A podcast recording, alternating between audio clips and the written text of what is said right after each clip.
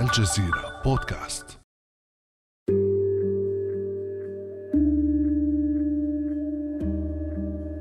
واقفا إلى جانب المستشارة الألمانية أنجيلا ميركل وفي الخلفية مبنى تاريخي تحدث الرئيس الفرنسي إيمانويل ماكرون عن موقف بلاده من دعم اللواء الليبي المتقاعد خليفة حفتر.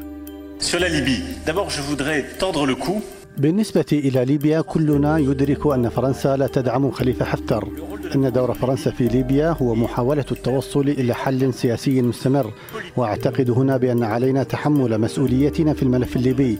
وفرنسا لم تقدم أي دعم سياسي أو عسكري إلى حفتر لأن ما يحدث في ليبيا يؤثر على استقرارنا. وهنا أعتبر مسؤولية روسيا وتركيا مهمة جداً. ترى هل الإنكار التام من جانب ماكرون لأي دعم فرنسي لحفتر هو ما دفع محمد القبلاوي الناطق باسم وزارة الخارجية بحكومة الوفاق الليبية إلى الرد عليه؟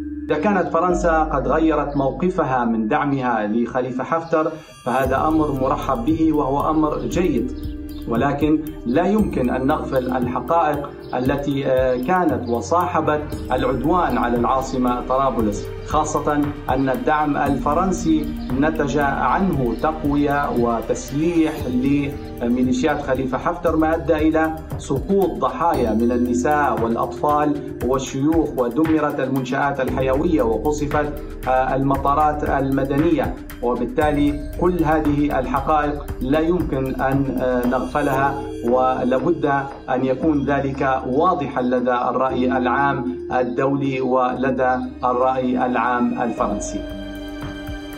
إذا ما حقيقة الموقف الفرنسي تجاه الوضع في ليبيا؟ ولماذا دعمت باريس حفتر خلال السنوات الماضية؟ ولماذا تتحرك الآن محاولة وقف الدعم التركي لحكومة الوفاق المعترف بها دوليا؟ بعد أمس من الجزيرة بودكاست أنا خديجة بن جنة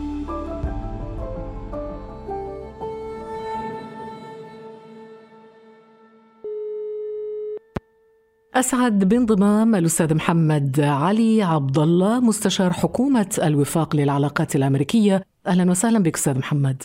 أهلا وسهلا أستاذ خديجة وشكرا على الاستضافة. شكرا لك على تلبية هذه الدعوة. أستاذ محمد متى بدأ برأيك مسلسل الدعم الفرنسي لخليفة حفتر وكيف تطور إلى اليوم؟ في البداية هو طريقة الدعم لكافة الدول التي اصطفت في مرحلة من المراحل مع خليفة حفتر في مشروعه للسعي لتنصيب نفسه كالطاغية الجديد في ليبيا. كانت لها مداخل مختلفة.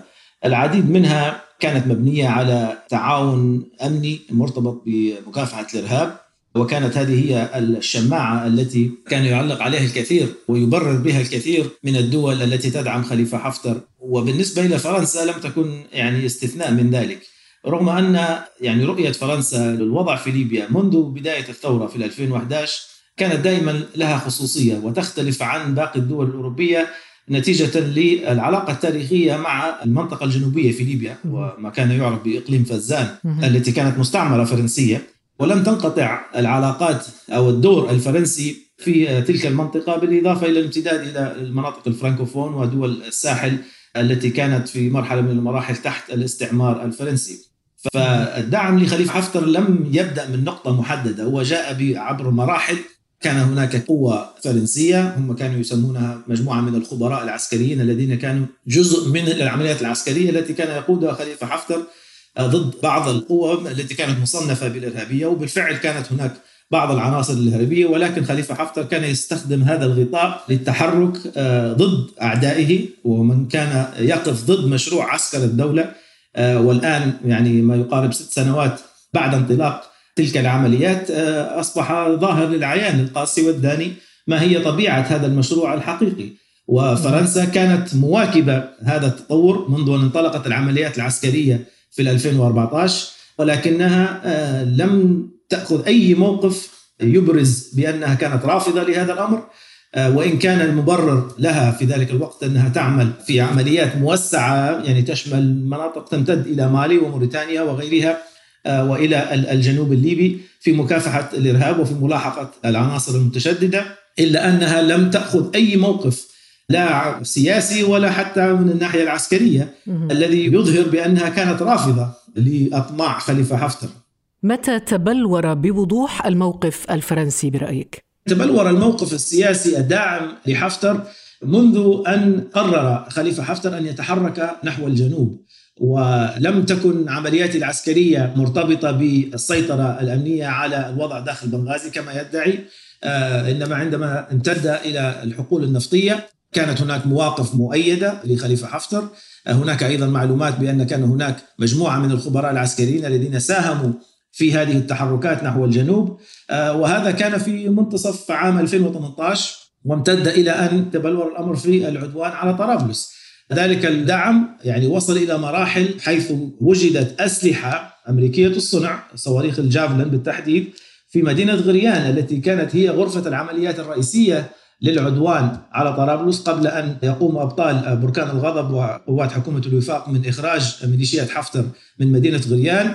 وتم استحواذ على هذه الأسلحة منذ ذلك اللحظة أصبح الموقف الفرنسي والدعم الفرنسي العسكري والسياسي يعني صعب جدا أن ينكره أحد طيب قبل شوية أستاذ محمد ذكرت الدوافع التاريخية والسياسية للتدخل الفرنسي بشكل أو بآخر في ليبيا ولكن هل هناك برأيك أيضا دوافع اقتصادية مرتبطة بمصالح معينة في شرق حوض المتوسط بموضوع النفط وما إلى ذلك؟ بدون شك هو المصالح كلها مرتبطة. الدوافع التاريخية والسياسية جزء منها هي دوافع اقتصادية. يعني على سبيل المثال هناك نظرة فرنسية إلى تلك المنطقة بالكامل التي كانت جزء من المستعمرات الفرنسية على أن فرنسا لديها الحق أو لديها الأولوية في أن يكون لديها نفوذ وهي من تقوم بعملية استخراج المعادن والنفط والغاز وأن يكون لديها هي الأولوية في أي مشاريع كبرى. هناك هذه النظرة الاستعمارية الجديدة. لكثير من الدول الأوروبية وفرنسا يعني ربما تاريخيا كان دائما لديها نوع من الشعور بالنقص في هذا الأمر، كانت دائما تسعى إلى يكون هناك نوع من رد الاعتبار خاصة بعد الحرب العالمية الثانية. فرنسا دائما تشعر بأنها يعني يجب أن تكون أو تحظى بمكانة خاصة في إطار الحضارة الأوروبية وفي إطار هذا التاريخ وأعتقد أن سياساتها تجاه ليبيا تعكس ذلك، هناك حلم فزان الكبرى التي كان منذ يعني عشرات السنين فرنسا تتحدث عنها وتسعى إلى تحقيق هذا الأمل داخل ليبيا، لكن للأسف إذا كان هذه الأمال وهذه الأطماع تصطدم بمصالح الشعب الليبي اصبحت النتائج كما رأينا في هذه المراهنات لفرنسا. يعني دائما تجد نفسها مصطفى مع الطرف الخاسر يعني. لكن هذه المعادلة تغيرت. في الثاني من يناير كانون الثاني الماضي عقد البرلمان التركي جلسة استثنائية ليصادق على مشروع قرار يسمح بإرسال قوات تركية إلى ليبيا دعما لحكومة الوفاق الوطني في طرابلس.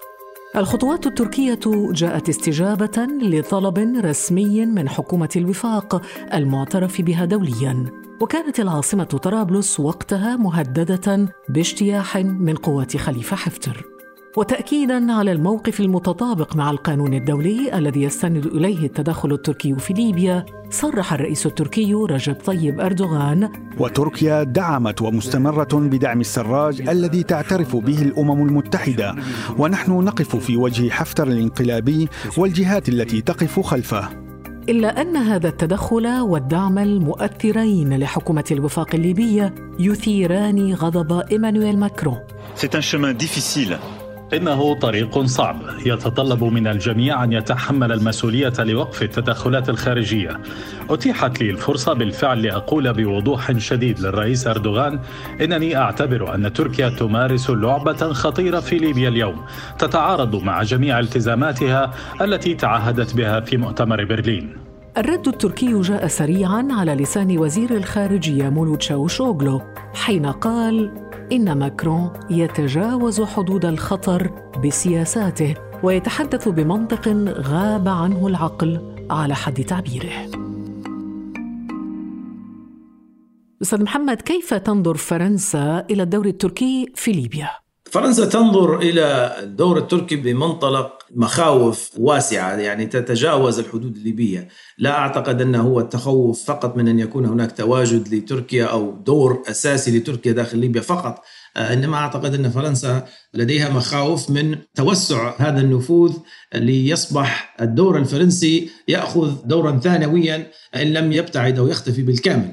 فهناك تخوف وهذا التخوف له جذور تاريخية وللأسف مثل مثل باقي الصراعات التي نشهدها بالوكالة في ليبيا كثير منها لا علاقة لليبيا ولا الشعب الليبي بها. هذه صراعات تاريخية تنتقل للأسف إلى داخل الحلبة في ليبيا وتصبح تأخذ يعني منحى مؤسف جدا. تصبح دول كبرى يفترض أن تكون مصطفى جنبا إلى جنب نحو التصدي لعدوان، التصدي لجرائم الحرب، السعي لتحقيق الاستقرار، ولكن للأسف تتحول هذه الدول اللي هي عضوه في حلف شمال الأطلسي ودول يفترض أن تكون مبنية على أسس وقيم ديمقراطية، لا توجد هناك يعني اختلافات جذرية في المناهج لكن للأسف الأبعاد التاريخية تعمي الأبصار أحيانا في إطار هذا التعامل. وأعتقد فرنسا اختارت أن تصطف في مخيم معين مع دول مثل الإمارات ومصر. التي لديها يعني مشروع في المنطقة بالكامل لإجهاض عملية التحول الديمقراطي في المنطقة بالكامل وفرنسا أصبحت بدلا ان تكون فقط دولة متحالفة مع هذا التيار أصبحت دولة تقود هذا التيار. والمفارقة هي هنا عندما نأخذ الصورة الأشمل أن فرنسا ومصر والإمارات اللي هم دول حليفة للولايات المتحدة الخصم التقليدي لروسيا أصبحوا هم الأدوات التي فسحوا المجال لكي يصبح لروسيا دور أساسي داخل ليبيا.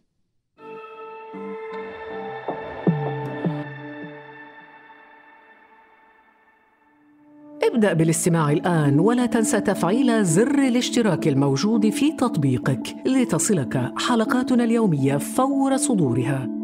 ابقى على تواصل مستمر مع الجزيرة بودكاست عبر صفحاتنا على فيسبوك، تويتر وإنستغرام.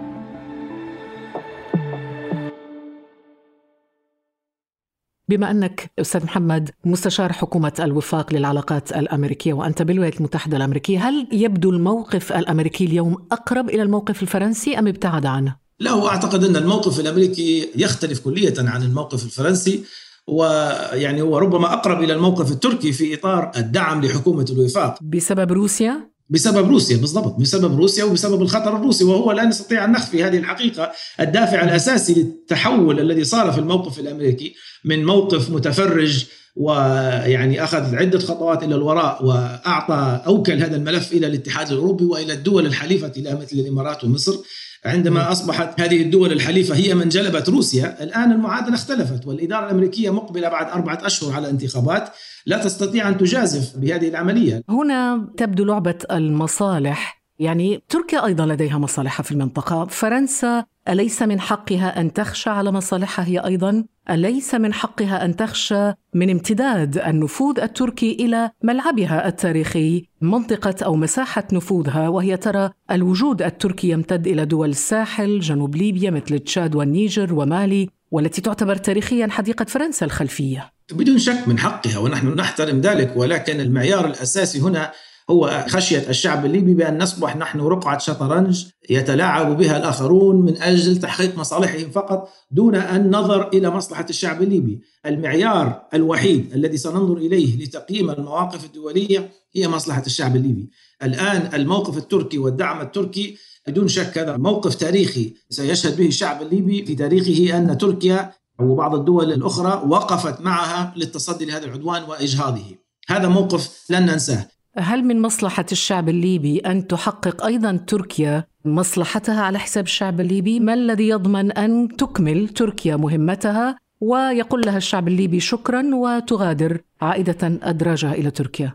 الانفراد بعملية بناء الدولة وعملية تحقيق الاستقرار بعد صد هذا العدوان ليس من مصلحة الشعب الليبي أن يكون هناك انفراد مع أي دولة والمصالح التي تسعى لتحقيقها الدول الأخرى داخل ليبيا عندما تتعارض مع مصلحة الشعب الليبي فهذا الأمر بدون شك سيكون مرفوض. ولكن أفضل آلية لتفادي ذلك أن يكون هناك تحالفات عدة أن يكون هناك يعني توسيع لدائرة المشاركة وأن يكون هناك طي لصفحة الماضي. نحن نحن مستعدون للنظر إلى تحقيق مصلحة الشعب الليبي من خلال التعاون مع دول مثل فرنسا ومصر أيضا اللي هي تعتبر دولة جارة رغم المواقف السلبية التي لعبتها. لكن نحن مدركون بأن تحقيق الاستقرار داخل ليبيا لن يتحقق دون موقف إيجابي مصري وهذا ينطبق على كل دول الجوار. نعم وهذا يطرح سيناريوهات كثيرة أستاذ محمد. ربما من ضمنها سيناريوهات المواجهة في ظل المخاوف من تحول الأراضي الليبية إلى ساحة صراع إقليمي ودولي ما ينذر بتعقيدات أكثر للأزمة الليبية. هناك من يرى أن الوقت مناسب الآن لدفع الجميع إلى طاولة الحوار وهذا سيناريو آخر. أستاذ محمد علي عبد الله برأيك إذا ما هي السيناريوهات المطروحة اليوم وهل سيناريو المواجهة العسكرية بين تركيا وفرنسا مطروح برأيك؟